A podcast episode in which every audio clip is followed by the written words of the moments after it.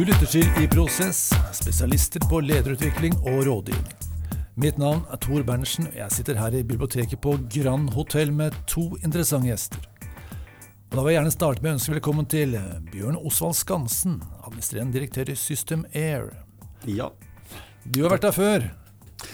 ja, jeg har vært der før. Ja. Det begynner å bli en stund siden, men eh, takk for å komme igjen. Jeg regner med at våre faste lyttere vet hvem du er, men det er jo alltid noen nye vet du, underveis. Så kan du minne oss om eh, hva Systemer er for noe, og hva din rolle er? Eller hva som er spesielt i din rolle? Uh, Systemer er en av Norges største leverandører av ventilasjonsutstyr til bygg. Alle typer bygg. Det er til næringsbygg og boliger. Eh, på bolig heter det Villavent, og på næringsbygg heter det Systemer. Ja. Og er på sykehus og skoler og kontorer og eneboliger, hytter og alt mulig.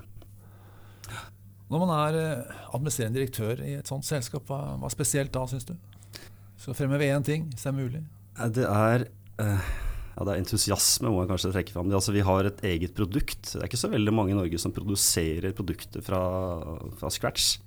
Og det gjør vi. Vi lager dem, utvikler dem og selger dem og tjener penger på dem. Og ja, du blir jo stolt når du ser dem ute på husene. Ja. For det er våre ting da som henger der. Så entusiasme er din liksom, viktigste faktor. Er bra. Er godt å høre. Da vil jeg gjerne ønske velkommen til vår andre gjest, Caroline Nystrøm. Tidligere konsernsjef i Schneider Electric Norge.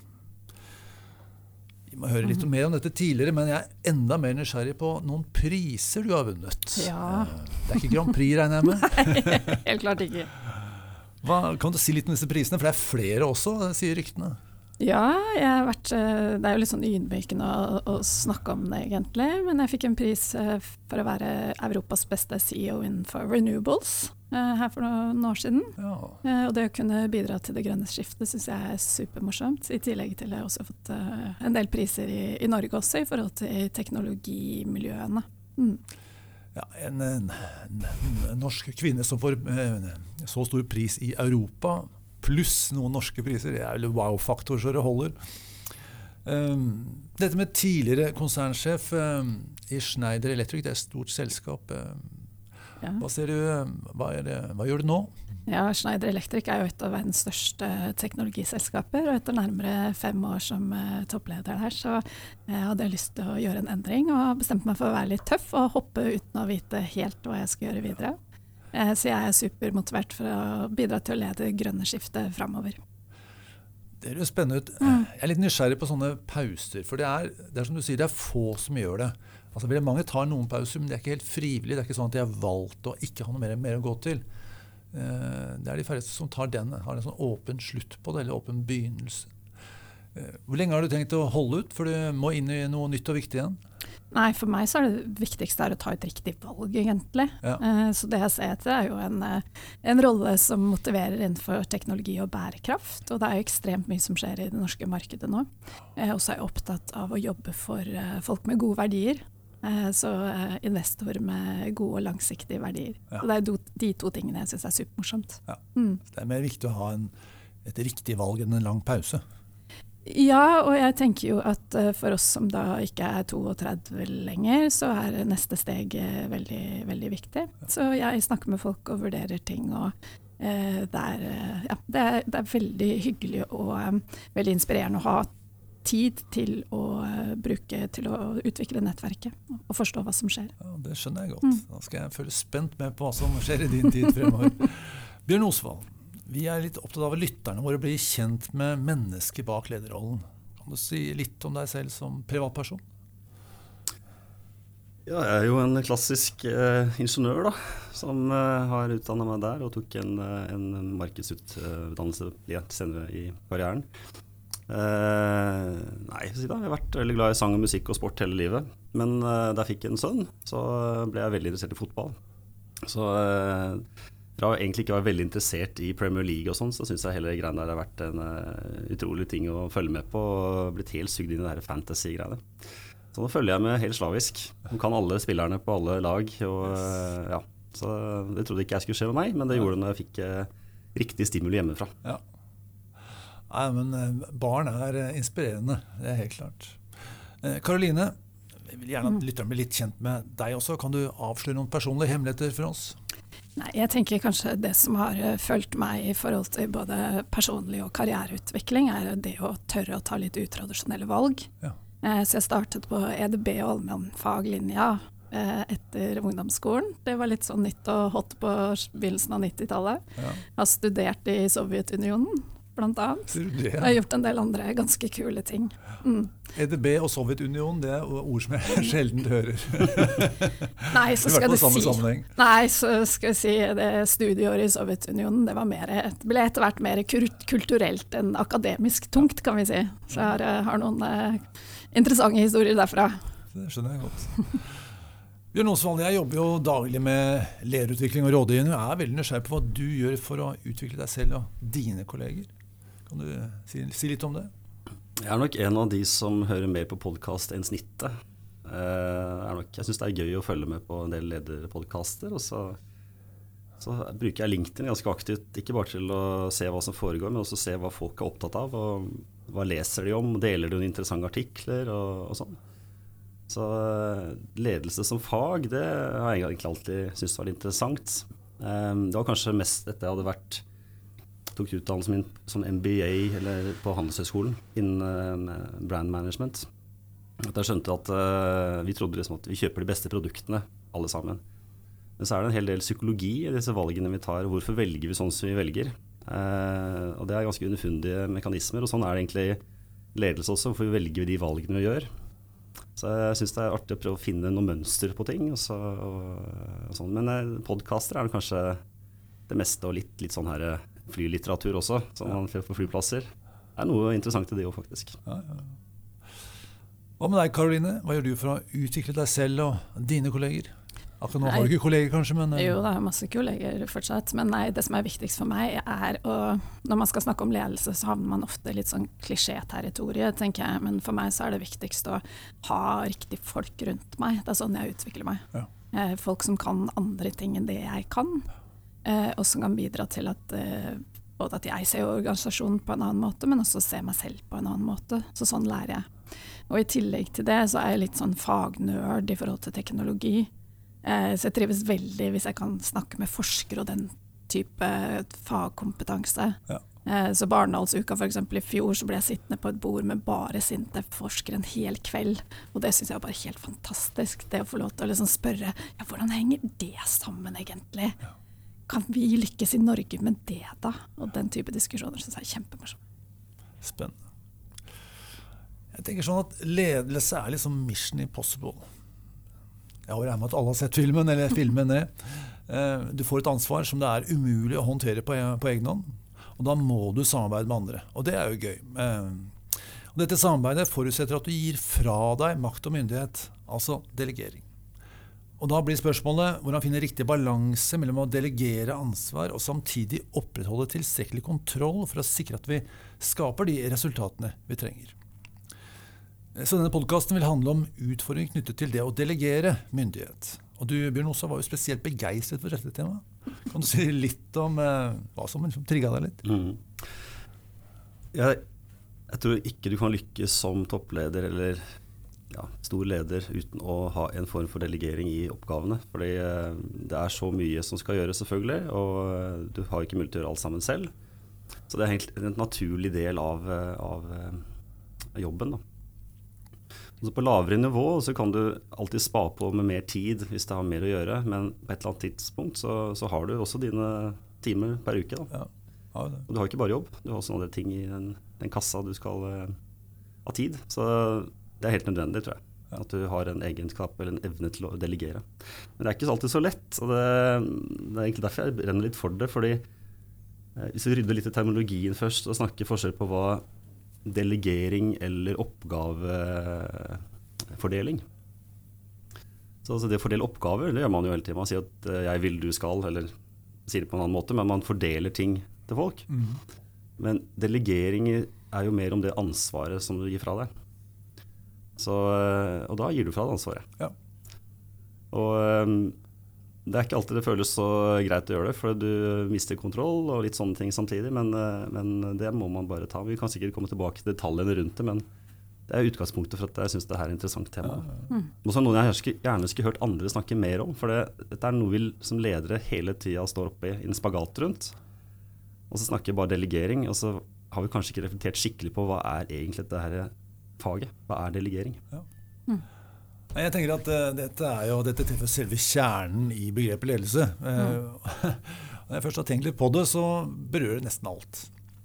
Uh, men la oss, la oss starte å snakke om kontroll. Og vi er ikke så veldig glad i sånne harde begreper som makt og kontroll. I hvert fall ikke i Norge. Og da vil vi gjerne tone det ned og snakke om påvirkning og oversikt istedenfor. Men uh, ikke her. Her kaller vi en spade for en spade. Um, ja, hva tenker dere om å gi fra seg kontroll og miste kontrollen? Eh, er det da fortsatt ansvarlig for alt som skjer i organisasjonen? Ja, fra mitt perspektiv så er du, er du på toppen, så er du ansvarlig uansett hva som, eh, hva som skjer. Ja. Helt klart. Eh, men kontroll er jo som et begrep, tenker jeg, litt negativt ladet. Så du må passe på hvor du bruker kontroll, og i hvert fall i norsk kontekst så er jo i hvert fall fra mitt perspektiv tillit en, en grunnpilar i forhold til delegering. Ja. Og har du tillit til de som er rundt deg, eh, så, så blir ting gjort på riktig måte uten eh, veldig mye kontroll. Eh, Så jeg tenker jo litt om lederoppgaven er jo tosidig, hvis du skal være litt sånn tabloid. Det er jo å få organisasjonen fra A til B, og eventuelt justere underveis om det blir A til C eller A til D. Og sikre at folk går i riktig retning. Og så må du finne ut, eh, hvis det er noen som, liksom, eh, som er- litt ute og sykler i, i det terrenget, så må de hjelpe å støtte de som da eventuelt ikke ser hvordan man kommer seg fra A. Så, så det er noe med Og det er tilbake til hva slags folk du har rundt deg, og hva slags miljø og kultur du faktisk skaper. Så, så jeg syns det er superenkelt egentlig å delegere. Og så må man da ha eh, akseptanse for at eh, oppgavene løses på en annen måte. Eh, det kan gjøres store feil, og gjøres det feil når det delegeres, så, så må du stå og verne de som har gjort feilen, for det, og, og støtte. Eh, og hvis du har gode nok folk rundt deg, og de havner i litt ulendt terreng, så sier de fra. ikke sant? Vet du, 'Nå er jeg usikker', eller 'nå går det gærent', kan du hjelpe meg litt her? Så det er noe, he det er noe med den dynamikken som jeg syns er veldig fin. da. Ja, jeg skjønner det. Mm. Men eh, altså, toppledere er- først og fremst er de opptatt av å skape resultater. Altså, det er det, vi holder på med. Da. Og for å komme i mål med resultatene, så er du avhengig av å, dele opp oppgaven og slice the elephant og sånt for å få det til. Og da når du gir fra deg kontroll, så altså, du må bare se at det er en, en helt viktig del av det. Og den, um, når du får et ansvar, første gangen du får det, så løser du på en oppgave, eh, på en måte. Det kan være jeg syns den kanskje ikke var så bra måte å løse det på, eller det ble ikke 100% Men ansvaret skal den personen beholde også neste år og neste år og neste år. Det er lang, jeg tenkte jo delegering som noe du gjør mer eller mindre permanent. Da. Ja. Ja. Og da skal jo denne personen selv med finne ut hvilke oppgaver skal til for å løse det ansvaret som ligger på ham. Eh, så vi må bare akseptere at det er en del av prosessen. Så du må være ganske bevisst på hva du delegerer. Også. Ja, nei, a- absolutt. ikke sant? Også, men jeg tenker at hvis du da har riktige personer på riktig sted, så vet de når de skal komme og eh, få, eh, få support eller støtte. ikke sant? Ja. Eh, og min opplevelse er at det skjer liksom ni av ti ganger, og så har du kanskje den tiende gangen må du kanskje være litt tett på noen, for du ser at oppgaven kanskje er litt stor, eller det er andre ting som skjer i, i selskapet. Mm. Og det er klart, eh, når du delegerer, så er det jo hvilken oppgave og ansvar, eller si ansvar, da, du kan delegere. Det må du jo være ganske, ganske god som leder for å skjønne også. Hvem, hvem kan ta dette ansvaret, og hvem har glede av å ta det ansvaret. For det er jo Delegering er da i motsetning til å få en tildelt en oppgave, så får du egentlig påtatt et ansvar som du kanskje ikke hadde før, og som du eh, du må prøve å skape entusiasme for at den personen har lyst til å, utvikle videre. Da. For det er jo mye mer enn én oppgave. Ja. Um, så det, det krever litt å forstå har denne personen som jeg ønsker å delegere til, eh, evner og motivasjon og til å ta den. Hvis ikke, så kommer det til å bli en eh, trang fødsel, tror jeg. Da kommer det til å bli nesten som å delegere en oppgave. Ja, jeg forstår, forstår personen forskjell på å få en liste med oppgaver som man skal gjøre, og så er man ferdig når man har gjort det, eller forstår man til å forvalte et ansvarsområde. Det er litt forskjell. Ja, det kan sikkert være forskjell. Jeg syns den der boka til han Stephen Covey, han der eh, Hva heter den? Den heter jo Å, du husker den? Eh, Seven Habits. Seven Seven? Habits, Habits, ikke sant? Da snakker han om people, ja. Den der, Mm. den liker vi alle sammen. Da snakker han om sønnen sin som skal luke i hagen, eller noe sånt. Da får han oppgave med å luke, og det liker jo ikke sønnen å gjøre. Og så etter hvert sier han at eh, kjære sønn, kan du bare holde hagen or eh, ordentlig? Da skjønner sønnen selv at ja, det kan gjøre, men da skjønner han at han må luke. Altså du, du gir ham mer overordna ansvar, og så finner han ut oppgavene selv, Ja. enn at du tildeler oppgaver. For det blir, det blir en sånn uendelig oppgavedelegering, oppgavegivelseoppgave. Ja. Det klarer du ikke. Og det er jo veldig lite givende for det nivået ledere vi snakker om nå, tenker jeg. Altså på et Ja. ledergruppenivå, Ja. hvis du er i et stort selskap, eh, så har stort sett de fleste evnene til å definere eh, taskene eller oppgavene ut ifra hvor man skal hen, og strategien. Og hvis man går micromanagement, eh, er jo ikke noe som de fleste liker. ikke sant? Og det er jo ofte et tegn på at man ikke har tillit. ikke sant? Hvis du sier du, må, du skal løse denne oppgaven, og så skal du gjøre A, B, C, D.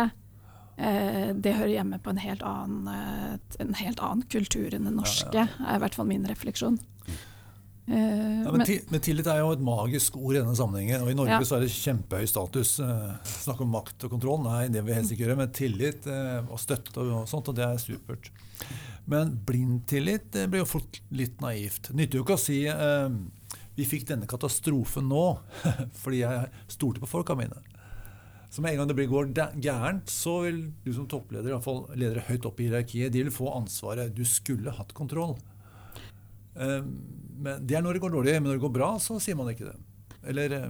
Ja, ja, så Det er en avveining. ikke sant? Men hvis du har tillit til dem som skal løse oppgaven, så har du en kontinuerlig dialog. Og da vil i hvert fall jeg forvente at eh, hvis vedkommende er helt ute å sykle, at man eh, rekker opp hånda og sier du, nå trenger jeg litt hjelp her. Men uansett om det går bra eller dårlig, så, så er det jo topplederen som må stå i det. Eh, men eh, i forhold til tillit, da, så er det, det, er, det er jo interessant fra et norsk kontekst hvor vi stort sett har ganske mye tillit. Jeg lurte på om jeg så eh, til spesielt offentlige myndigheter etc. Vi har sånn 95 av nordmenn har stor tillit til at eh, politikere etc. gjør en god jobb. Men hvis, du går til et land som Frankrike f.eks., så er den nede på 13 oh ja, såpass. Ja. så, så i Norge så starter du jo ofte relasjoner med at du har tillit, og så kan du miste den. Mens i andre kulturer så har du ofte startet uten tillit. Du må det bygge, ikke sant. Eh, og det er jo en ekstremt stor gave til norske selskaper, tenker jeg. At man starter på en sånn positiv Ja. eh, Vet du hva, Sier Jeg har en, en opplevelse Jeg har jobbet litt med lederutvikling i Dubai. og Det Ja. er et av de landene jeg tenker er mest motsatt av Norge. Og når jeg skal snakke med min kommende oppdragsgiver, så brukte vi over to timer på å snakke om familie, altså mødre, fedre, bestemor, bestefar osv. Bare for å bygge tillit. Mm. For meg var jo det en evig pinsel. ikke sant? Jeg ville bare komme til saken, for jeg forventet at tilliten bare var der.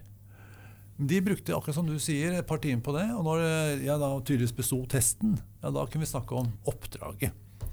Og det er eh, ja, Det var en, eh, et sånn aha-moment for meg, da, hvor jeg egentlig måtte virkelig omstille meg. da. Jeg går alltid inn i lederroller litt lavt, pleier jeg å kalle det. Ved å ikke nødvendigvis eh, ha behov for å bruse med fjæra eller vise at jeg har makt, eller den type ting, men gå inn litt lavt og bli kjent med folk. Ja. eh, Og skape en relasjon. Og greier man å gjøre det på en god måte, så har du bygget et, et grunnlag som er bare helt fantastisk. Eh, og, og det betyr at du kommer ganske tett på folk. Eh, og eh, hvis du viser folk respekt og lytter og er nysgjerrig og er genuint opptatt av, av hvem de er, så får du en veldig bra dynamikk både én til én og eh, gruppemessig, er min erfaring. Ja. Men er det kanskje eh, Hvis vi sier at eh, som toppleder eller som leder så skal du ha en viss grad av kontroll, men du skal ikke ha den ved å kontrollere folk. Du skal ha den ved å bygge relasjoner, slik at du får informasjon automatisk når du trenger det. Og det krever jo, jo at man, da må du stole på folk, men samtidig må du være ekstremt god på relasjonsbygging. Mm. Eh, For Hvis ikke så, så stopper den dynamikken opp, eller da blir den begrensende. Eh, Hvordan har det vært i et litt lengre perspektiv? Har det, skjedd noe utvikling der? Har det alltid vært sånn? For jeg innbiller meg at eh, denne selvstyringen er blitt større i vår tid. Altså De siste fem-ti årene, og jeg vil si det har vært speed-utvikling eh, etter pandemien, så er graden av autonomi og selvstyre blitt veldig mye større. Eh, og da må jo denne faktoren her bli enda mer. Og det krever jo noe annet av ledere i dag enn de gjorde kanskje for 10 og 20 år siden. Er det noen eh, tanker om den utviklingen? Ja, fra et eget perspektiv så tenker jo jeg at i lederrollen så er det jo noe med at man etter hvert begynner å få ganske mye erfaring, eh, og står eh, støtt i det man er god på og det man er mindre god på. Og desto eh, tryggere man er på seg selv og på rollen sin, desto mer eh, mulighet er det for å, å, danne gode relasjoner og få den dynamikken. Eh, så, så, det er jo noen sånne basisting. Vise folk respekt eh, ha takhøyde, som er et klisjé, men liksom la folk få bruke den kompetansen de har. Eh, vise at eh, topplederen også kan ta feil og korrigere. Så det er noen sånn helt sånn fundamentale menneskelige egenskaper som jeg tenker at vi er veldig relativt godt skodd i Norge til, til, å, til, å, gå inn i et litt mer moderne lederskap. Så jeg er superheldig. Eh, men for meg så er det en utvikling, og jeg lærer hele tiden. Ja. Det kjipe med tillit vet du, det er at det er så, det er så innmari kjedelig hvis du brenner deg på det. Ja. Jeg, liksom, jeg stolte på at du skulle gjøre det, ikke sant? og så gjorde du det ikke. Den der, ah, ja.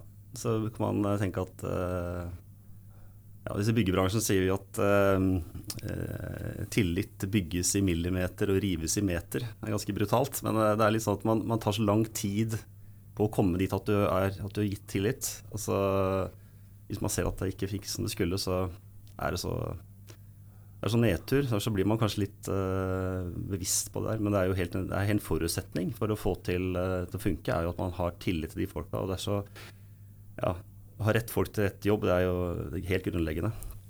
Og, mm. og, tillit er jo en av de. Altså, hvis du har riktige folk med deg, så, så kan du ta hvilken oppgave som helst. Det, det, er, det er den kompetansen du kan lese og skrive og slå hjul og sånn, det, sånn, det er en annen ting. men det fundamentale ligger jo tilliten når du skal ha hatt et gruppearbeid. De fleste ledere, og spesielt toppledere, er opptatt nesten 30-40-50 timer i uka. Jeg, hvis jeg ringer en av dere i morgen og spør om vi kan ta en prat, så sier du sannsynligvis at jeg er opptatt uansett når på dagen jeg foreslår det. Og det gjelder nesten alle. Så denne, det som gjør at vi skaper tillit, det er på en måte soft skills som ikke blir målt på noe sted. Du blir bare målt på effekten av det. Mm som da er eh, Har du kontroll? Ja, jeg har kontroll fordi at jeg har bygd relasjoner til folka mine som jeg stoler på, og de sørger for å gi meg informasjon som jeg trenger, frivillig. Det er på en måte dealen. Og da er spørsmålet ja, men hvis du er opptatt av 50 timer i uka, da, så når får du bygd denne tilliten og bygd de sterke, sterke relasjonene? Eh, ja, Er det en sånn innsatsfaktor du har en kort periode, og så eh, du sa kanskje myk start, og så nå er jeg ferdig, liksom.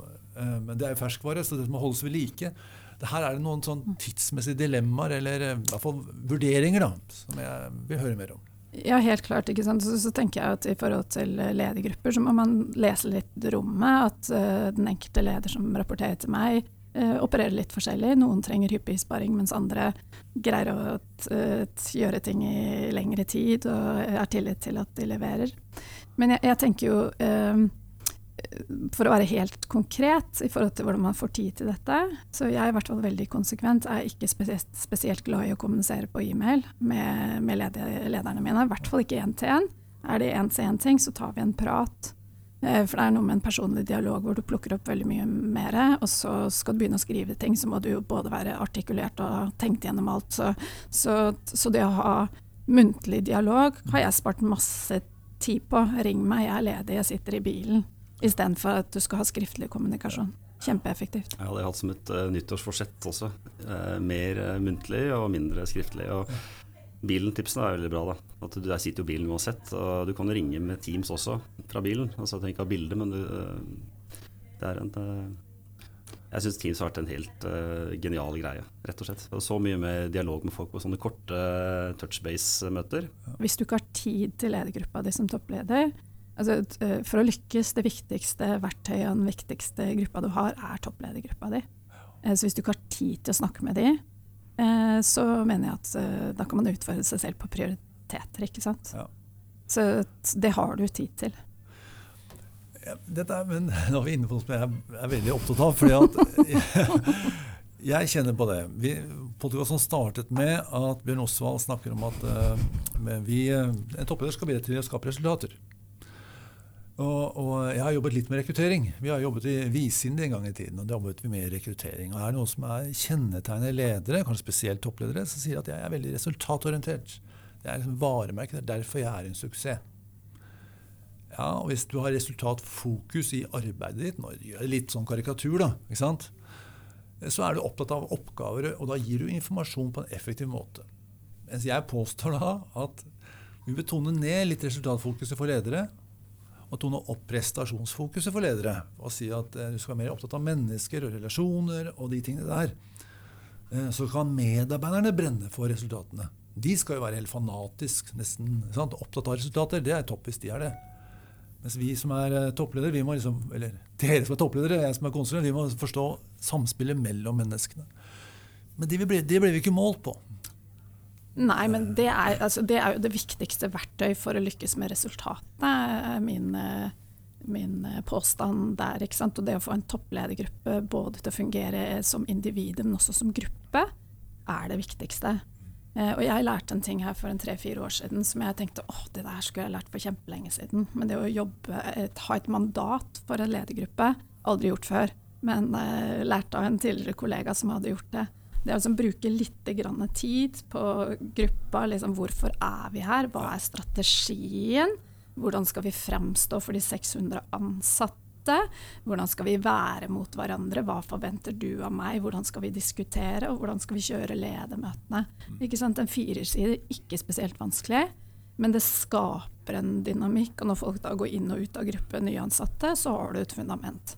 Så drar du det opp hvert år og sier at uh, er det noe vi burde ha justert? Ja, strategien er litt sånn.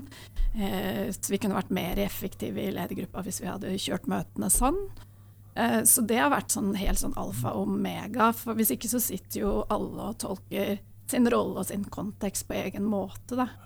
Eh, så det har vært kjempeeffektivt, tenker jeg, og kommer til å fortsette å gjøre. Ja. Men, men, jeg er helt enig med deg, Tor, i det der at det er andre ting enn resultatet vi skal snakke om. Men resultatet er tross alt målet du får i fotballkampen. Ja, det er det du faktisk vinner serien på. Eh, så det må vi ikke glemme at det er det. Men, men eh, prosessmålet, da, det er jo eh, De sier at visstnok hadde, hadde Nils Arne Eggen sånn greie at han snakka ikke om de skulle vinne serien, de snakka om de skulle bli beste laget i Norge på dødballposisjoner utafor 16 meter. Ok, Hvis du blir god på en ting Uh, den Good to Great-boka det her snakker om hedgehog-konseptet, hvor, hvor, man har uh, en ting som selskapet er veldig bra på, og gjør det om og om, om igjen, som er uslåelig på, og utvikle det videre. Uh, det er jo det som er nøkkelen for å skape det resultatet. Ja. Og det er ikke sikkert jeg som toppleder vet hvilke prosess og innsats skal til, men jeg må være tydelig på at målet vårt er det her.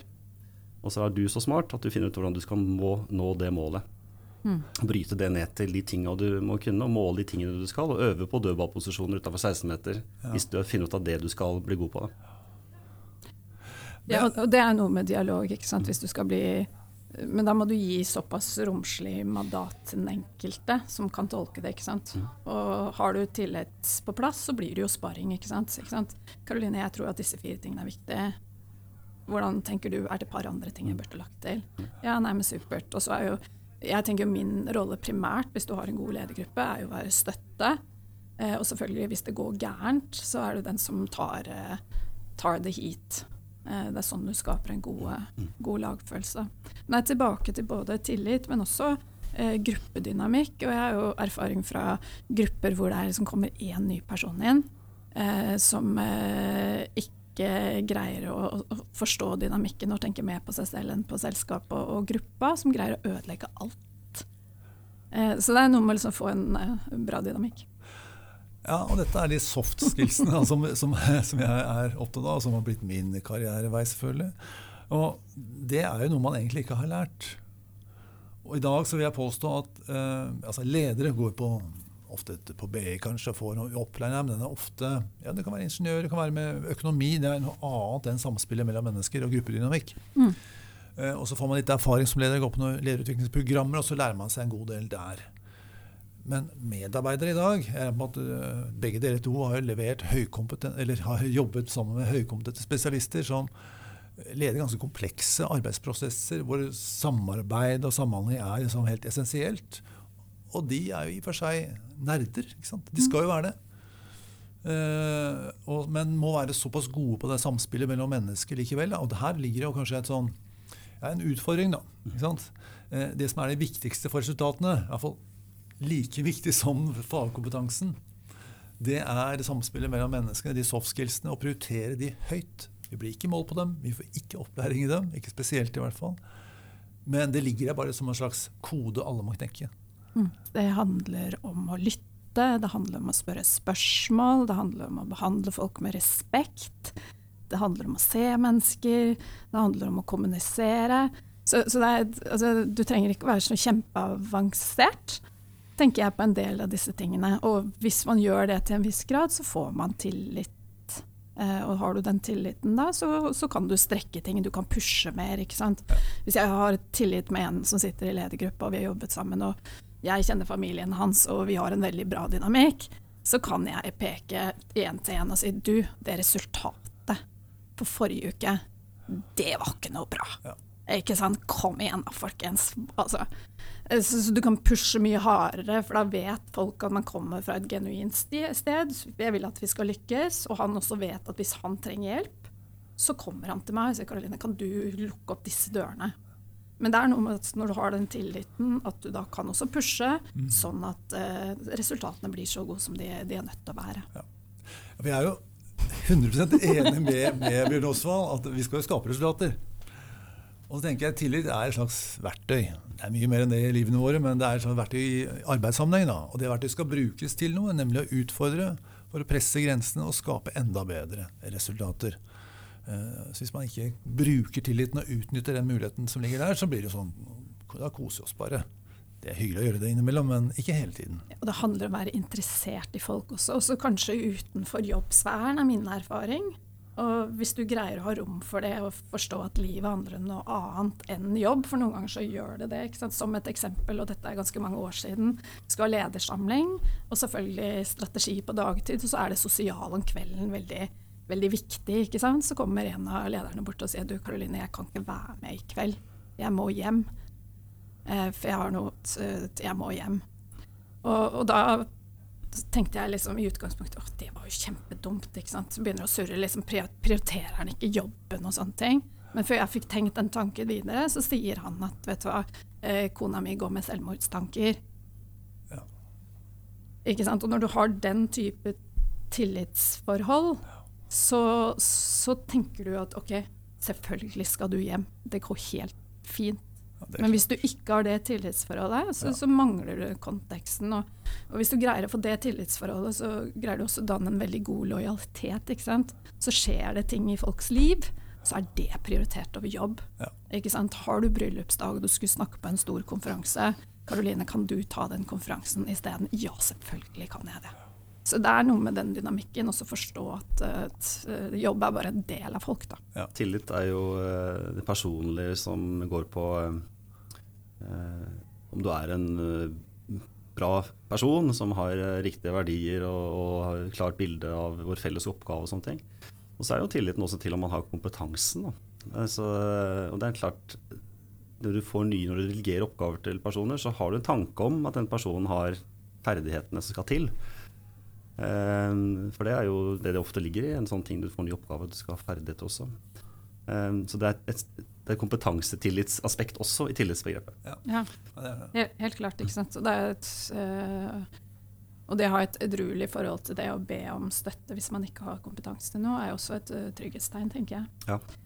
Jeg har, eh, jeg har gått på masse lederutviklingskurs som eh, veldig mange andre har også. Jeg husker ikke så kjempemye fra alle, men jeg har et sånn laminert kort fra slutten av 90-tallet da jeg var på lederutvikling eh, i Accenture, hvor det, sto, hvor det, står ganske enkelt at hvis det er noen som ikke fungerer i rollen og ikke greier å løse oppgavene, så må du finne ut, finne ut A om det er pga. manglende kompetanse, B pga. manglende motivasjon. for de to tingene må du jobbe med veldig ja forskjellig. Mm. Det er de to tinga som kreves uansett for å få ut en oppgave. Det er, de, ja. er du motivert, og kan du det. Ja, og er du ikke motivert, så, så må man finne ut uh, hvorfor og hva man kan gjøre med det. Mangler du kompetanse, så kan du sende folk på kurs og kompetansegivende ja, tiltak. faktisk gjøre noe med den. Ja, ikke sant? Men hvis du surrer de to tingene sammen, så blir det vanskelig å finne riktig verktøy. Da. Men hender det at uh, du sitter og gjør oppgaver og tenker Oi, den her burde jeg egentlig ikke gjort. Nå sitter jeg og gjør noe som er en av de små oppgavene mine. Jeg burde jobba med de store oppgavene. Ja, altså, noen ganger gjør jeg det for å skjerme organisasjonen. Altså, Hvis du mm. dytter alt ned, så det er jo det eh, meste av verdiskapningen i organisasjonen skjer ikke på toppledernivå, det skjer jo ledergruppa nedover. ikke sant? Eh, så min jobb er jo også å skape minst mulig støy eh, nedover. Så ja, jeg gjør jo dumme altså, rutineting jeg også, som jeg tenker at dette tar meg en halvtime. Hadde tatt ledergruppa mi en, en, to timer og delegerer det nedover, så tar det en dag. Er det smart? Nei. Da bruker vi den halvtimen. Jeg, jeg, opplever det at uh, jeg sitter og gjør ting tenker jeg, oi, det her burde jeg ikke gjort. Og jeg, jeg, vet også noen av mine ledere opplever det samme. At ja. de sitter og kommer til meg og sier også, hvordan skal, jeg, hvordan skal jeg få delegert det her? Hvordan skal jeg, Nå sitter jeg og gjør det her, og så får jeg liksom ikke bli kvitt det. Og så prøver jeg, ja, men, uh, og da er det tilbake liksom uh, det vi har snakka om, at vi ikke lyst til å miste kontroll og detaljene og det her. Så men, men, eh, men, eh, da tenker jeg da må man jo utfordre seg selv i forhold til verdiskapingen på den, den tingen. Ofte er de tingene jeg gjør selv eh, for å skjerme resten av organisasjonen på, er sånne dumme rapporteringsting mm. som ikke har verdiskaping. Og hvis jeg sender det nedover, så skaper det støy og mye mer. Så da er liksom suck it up, bruk en halvtime på det bli ferdig med det. Men er det verdiskaping, og det har eh, verdi for ledere under meg og organisasjonen, så tilmelder jeg meg helt på en annen måte. ikke sant? Mm. Hva, hva gjør du da, da? Nei, da er det jo å finne ut hvem som er best egnet til mm. å løse ja. oppgaven. Eh, og så er det jo snakk om å selge inn oppgaver på en eh, mm. god og smart måte, ikke sant. Mm. Eh, selv rutineoppgaver kan eh, selges inn på en god måte, sånn at folk blir motivert. Har du bomma noen ganger? Har du, uten å nevne navn eller noe, har du liksom delegert noe du tenkte shit, det burde jeg ikke Ja, altså man går jo på smeller hele tiden, tenker jeg. Eh, men jo, du må jo skille mellom viktige og ikke viktige ting. ikke sant? Så er det viktige tingene du må holde din klamme hånd over, mens de mindre viktige tingene de kan skure og gå litt. Mm. Altså. Ja, det var vi jo egentlig inne på. Eh, men feil skjer jo på alle nivåer. Jeg snubler hele tida, ledergruppa snubler hele tida. Helt fine. Mm. Eh, men man snubler fordi at man eh, enten har for mye å gjøre eller ikke kompetanse. eller noe sånt. Men det er ikke noe vond vilje. Men får du en organisasjon og en gruppe med vond vilje, så har du helt andre utfordringer enn min, eh, ja. Mm. min lesing av situasjonen. Så, så, det er derfor jeg skjønner liksom, Jeg delegerer i, i massiv grad, egentlig. Mm. Mm. Og ser at det bygger folk, da. Istedenfor at jeg skal stå og skinne alltid på alle styremøter og alle sånne ting. Så drar jeg som faen folk. Mm. Uh, og går det gærent, så setter de seg, og så tar jeg heaten. Og den lojaliteten du bygger da ved å la folk få vokse litt, syns jeg i hvert fall er uh, veldig givende. Mm. Ja, det tror jeg alle syns. Nei, jeg, jeg, tenker sånn at uh, En toppleder, i hvert fall på deres nivå, skal ikke ha noen oppgaver, egentlig. Altså sånn, Du skal ikke gjøre noen operative oppgaver. La oss si du vil lage en rapport. da, Bjørn Osvald, ikke sant? Tenker at Det er raskere for meg at jeg gjør det. Ja, det er det. Men det handler ikke om, tenker jeg. Det handler om at Uh, du får med deg en inn som kan, kan, lage rapporter, og som kanskje kan det bedre enn deg. Kan, kan dere gjøre det sammen? Og så kan du utfordre. Uh, kan, denne, kan, noe, kan, denne, rapporten bli enda bedre enn den pleier å være? Altså, hva er A4, hva er standard? Hva er en bedre versjon av dette? Og Så har du gjort det en, to ganger med vedkommende, eller sammen med vedkommende. Og så kan du trekke tilbake, og så gjør den personen det videre derfra.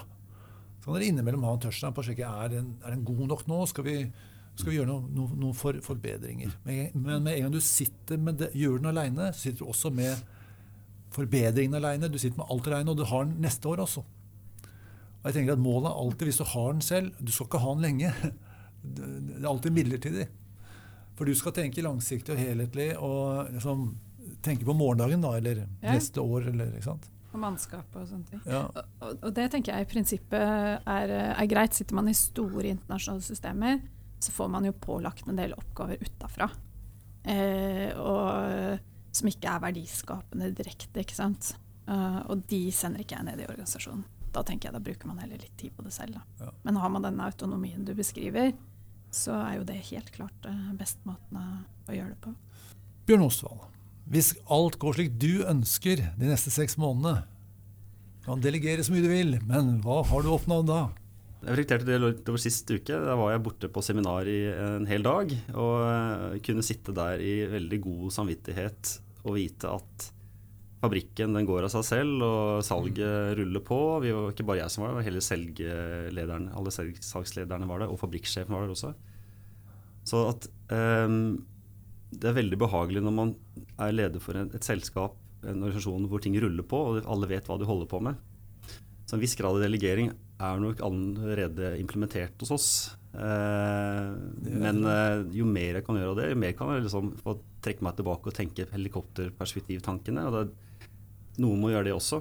Og Jeg syns det er kjempegøy, og jeg tenker også at jeg, jeg bør ha en forutsetning for å, for å skjønne, som Karoline sier, at alt dataanalyse er jo tilbake i tid. ikke sant? Så det, var jo, det er veldig bra sagt. fordi noen må begynne å tenke også hva er den rundt neste sving. da. Det var en floskel, men uh, tilgi meg. Det er i hvert fall, Vi må tenke på det. Ja. Det har jeg lyst til å holde på enda mer med. Ja, bra. Jeg liker jo den tanken, for jeg, jeg syns jo at ledere på ditt nivå bør jobbe for å bli unødvendige i den daglige driften. Og prøve å holde et litt mer langsiktig, helhetlig perspektiv. Da. Og det kan være vanskelig nok i seg selv. Karoline, hvis alt går slik du ønsker de neste seks månedene, hva har du oppnådd da? Du er jo i en spesiell situasjon, så det ja, et, uh, ja og nei, tenker jeg. Det som er viktig for meg, er å fortsette å kunne bidra til uh, det grønne skiftet i Norge. Ja. Eh, og sikre at vi får en god posisjon for fremtidige generasjoner. Eh, hva slags form og farge det har for meg personlig, er jeg egentlig ikke sånn superopptatt av. Om det er gjennom styreverv eller styrelederverv eller som investor eller toppleder. Litt, litt lax på det. Ja. Eh, men jeg tenker jo at vi er ved et eh, veldig sånn knekkpunkt, eller et viktig punkt i Norge nå, i forhold til hvordan, skal, eh, hvordan landet vårt skal være framover. Litt uh, paralleller tilbake til sånn slutten av 60-tallet, begynnelsen av 70-tallet, hvor det var noen uh, kule folk som tok noen gode valg som vi har sittet og, og melket de siste ti årene. Uh, så jeg er opptatt av å bidra og bruke den erfaringen jeg har som leder, til å og både løse spennende oppgaver for meg selv, men også bidra inn til fremtidige generasjoner. Ja. Skal bygge landet, du. Ja, jeg tenker jo at det er jo noe med eh, oss som ledere som har en viss, viss, makt og mye erfaring, så jo, kan man jo selvfølgelig tenke på seg selv i forhold til personlig uh, utvikling etc. Men vi har også et, et ansvar i forhold til å, å, drive samfunnsutvikling, tenker jeg. Og jeg er veldig bevisst på det. Ja, Så bra. Da er vi nødt til å avslutte. Hensikten med denne refleksjonen er økt bevissthet. For vi tror at det du er bevisst, kan du gjøre noe med, og det du ikke er bevisst, gjør noe med deg. Hvis du som hører på oss ønsker at vi skal styrke din bevissthet ved å invitere spesielle gjester eller belyse spesielle problemstillinger, kan du sende oss en e-post til post at iprosess.no. Da sier jeg takk til våre gjester. Mange takk. Tusen takk. Kjempegøy. Takk til våre lyttere, og på gjenhør. Hei, det er Tor Berntsen her. Jeg vil gjerne ha din oppmerksomhet litt til. Jeg har nemlig noe du trenger. Som du vet, jobber vi med lederutvikling.